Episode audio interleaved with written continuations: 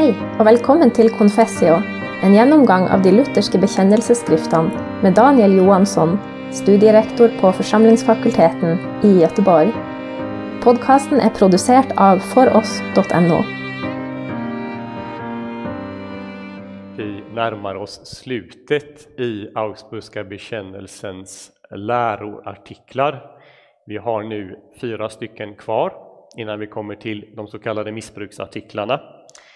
Anledningen till att jag säger det idag är därför att i någon mån så var den Augsburgska bekännelsens huvuddrag, huvudlinje slut vid det förra tillfället när det talades om Kristi återkomst till domen.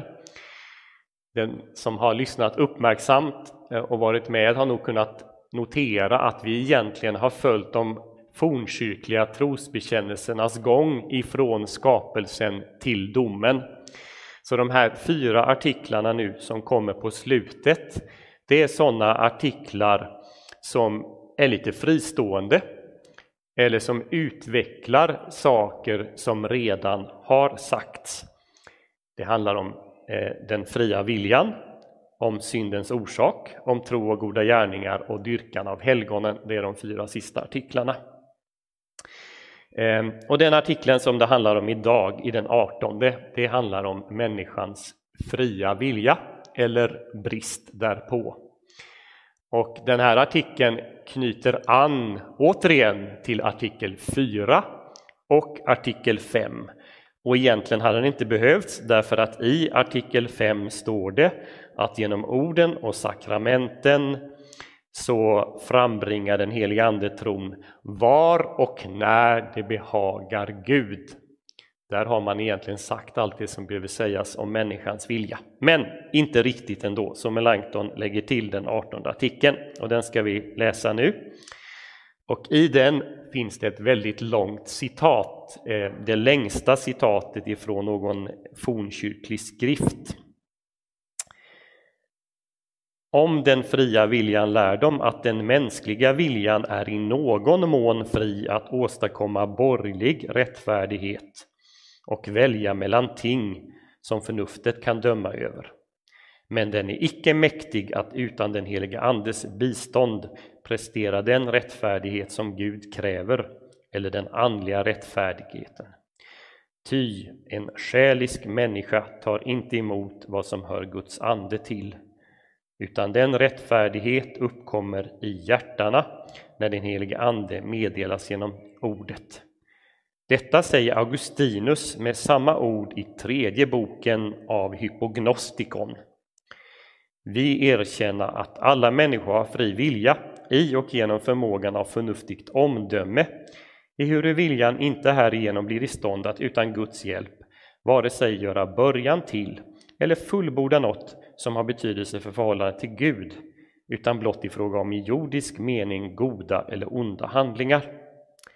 Goda kallar jag de handlingar som har sin grund i strävan efter ett naturligt gott, till exempel vilja arbeta på åkern, vilja äta och dricka, vilja ha en vän, vilja ha kläder, vilja bygga hus, vilja ta hustru, föda upp boskap, tillägna sig olika goda färdigheter, eller vad som helst som är gott ur det timliga livets synpunkt. Allt detta består dock ej utan den gudomliga styrelsen. Det leder sitt ursprung från honom, är till genom honom och blev till genom honom. Med onda handlingar förstår jag sådant som att vilja dyrka en avgud, vilja mörda etc. De fördömer pelagianerna och andra som lär att vi utan den heliga Andes hjälp enbart av våra naturliga krafter kan älska Gud överallt och i frågan om handlingarnas innehåll eh, eh, förlåt, i fråga om andligan, eh, an, handlingarnas innehåll uppfylla Guds bud. Låt vara att den mänskliga naturen någorlunda kan åstadkomma den yttre handlingen. Den kan ju avhålla händerna från stöld och mord så kan den likväl inte förvärva det rätta sinnelaget som fruktan för Gud, förtröstan på Gud, kyskhet, tålamod etc. Ja, det var nog den längsta artikeln vi har haft hittills. Eh, mot den här artikeln måste man läsa mot två ytterligheter. I fornkyrkan fanns det, E-, e-, eller under fornkyrklig tid, fanns det en filosofisk inriktning som hette manikeismen. E, den har, vi, har blivit omnämnd i den Augsburgska bekännelsen i den första artikeln där man avvisar manikeismens tanke på två ursprungliga makter, en god och en ond. Men manikeismen lärde också att allting är förutbestämt. Så det står inte i min egen personliga vilja här nu om jag vill lyfta upp den här boken eller inte, utan gör jag det så är det redan förutbestämt. Gör jag en ond handling så det, har det blivit bestämt i förväg, gör jag en god så har det blivit bestämt i förväg. Men i det långa citatet ifrån Augustinus här så kan man notera att Augustinus avvisa den tanken utan människan har verkligen en förmåga att i yttre avseende välja mellan att göra en god eller en ond handling när man står inför det valet. Och på den här punkten så garderar sig vår bekännelse och menar att i yttre avseende så har vi en förmåga att välja mellan gott och ont. Det var manikismen. Den andra saken som finns i bakgrunden är den så kallade pelagianismen ehm, efter, benämnd efter en förmodligen irländsk munk som uppträdde i Rom i slutet på 300-talet, omkring 300, början på 400-talet, eh, och som hette Pelagius. Han var nog en mycket from person, en asketisk man som verkligen i allt försökte leva efter Guds vilja och han lyckades nog i stor utsträckning för han menade att det stod i den mänskliga förmågan att i praktiken leva ett helt syndfritt liv och att göra så utan Guds andes hjälp. Men den ståndpunkten hade blivit avvisad i fornkyrkan. Eh, sen var det en del av hans lärjungar som kom med en modifierad version av pelagianismen. Den kallas för semipelagianismen. Vad jag vet finns det dock inte någon kvarts eller åttondels pelagianism, men dock en semipelagianism. Eh, den kom också att bli avvisad i fornkyrkan. Men sen kom den liksom på bakvägen in i den medeltida teologin. Och det här är en av de sakerna som bekymrar Luther mycket som ung teolog. Och när han 1515 och 1516 ska utlägga Romarbrevet så blir han övertygad av Paulus undervisning där att det inte står i den mänskliga förmågan att på egen hand älska Gud, utan det är någonting som Gud måste åstadkomma hos oss. Så Luther lär en stark, man kallar det för monergism, att Gud alena är den som verkar det goda i oss. Eh, och Luther får anledning att utveckla det här i en diskussion eller stridssamtal som han för med den tidens kanske allra mest lärde och berömde man i Europa, Erasmus. Eh, och Erasmus och Luther utbyter ett antal skrifter som mynnar ut i att Luther skriver det som han senare anser vara sitt allra bästa verk, om den trälbundna viljan och den skriften kommer ut 1525, det vill säga fem år innan Augsburgska bekännelsen. Så att det här är bakgrunden, antingen att människan är så att säga totalt förutbestämd i allt hon gör eh, och inte har någon egen fri vilja överhuvudtaget. Det är den ena av vägen man vill ta avstånd ifrån. Och den andra är att människan faktiskt har full koll och, och, kan bestämma precis vad hon vill hon ska göra även i det andliga pelagianismen. Och båda de ytterligheterna avvisas i den här artikeln. Ehm,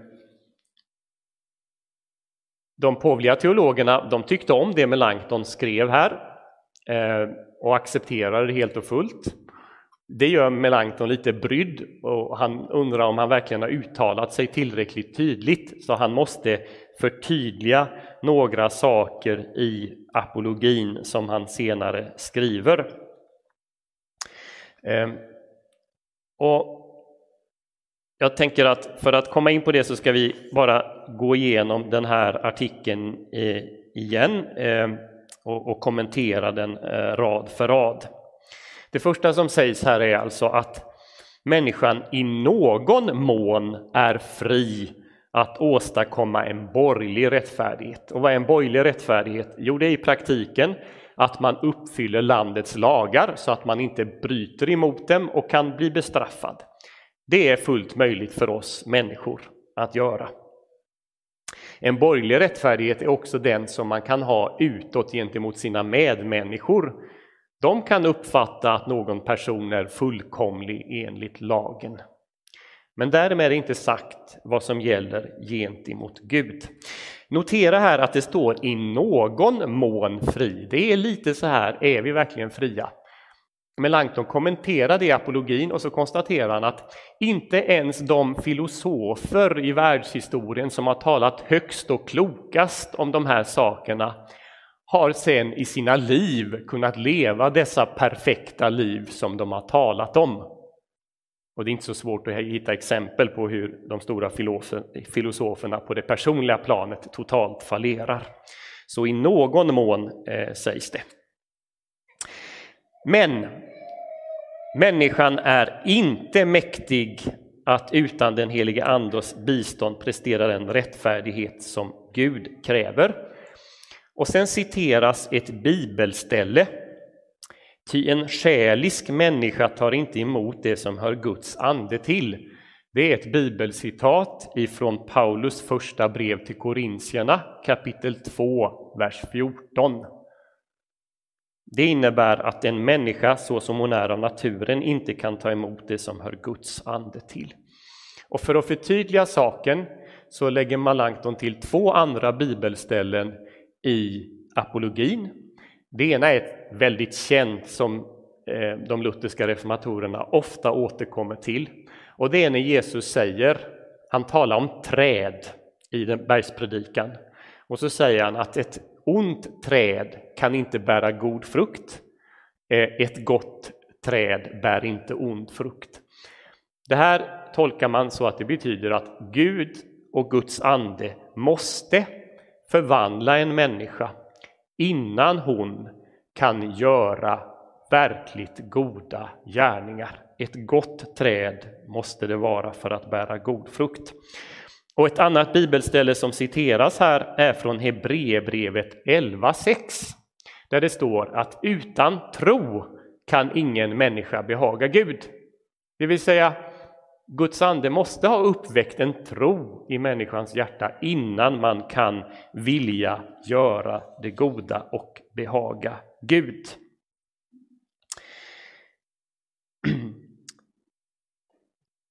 Sen ska jag säga en sak om det här långa citatet från Augustinus. Förmodligen är det inte från Augustinus. Eh, det fanns i de samlingarna över Augustinus verk som fanns vid den här tiden men förmodligen är det någon i den augustinska traditionen som har sammanfattat Augustinus lära. Det sammanfattar väldigt väl vad han sa emot eh, Pelagius. Och det som här sägs är riktat emot någon som hette Celestius och som var en lärjunge till eh, Pelagianus. Jag säger inte mer om Augustinus-citatet utan nu hoppar jag ner Eh, till det som står om att de fördömer pelagianerna och andra. Med andra avses här skolastiska senmedeltida teologer som Gabriel Biel och Don Scottus och andra. Eh, och det förstår man av det som sen skrivs. Eh, Eh, de som lär att vi utan den heliga Andes hjälp enbart av våra naturliga krafter kan älska Gud över allting. Och sen kommer faktiskt en teknisk term på latin i fråga om handlingarnas innehåll.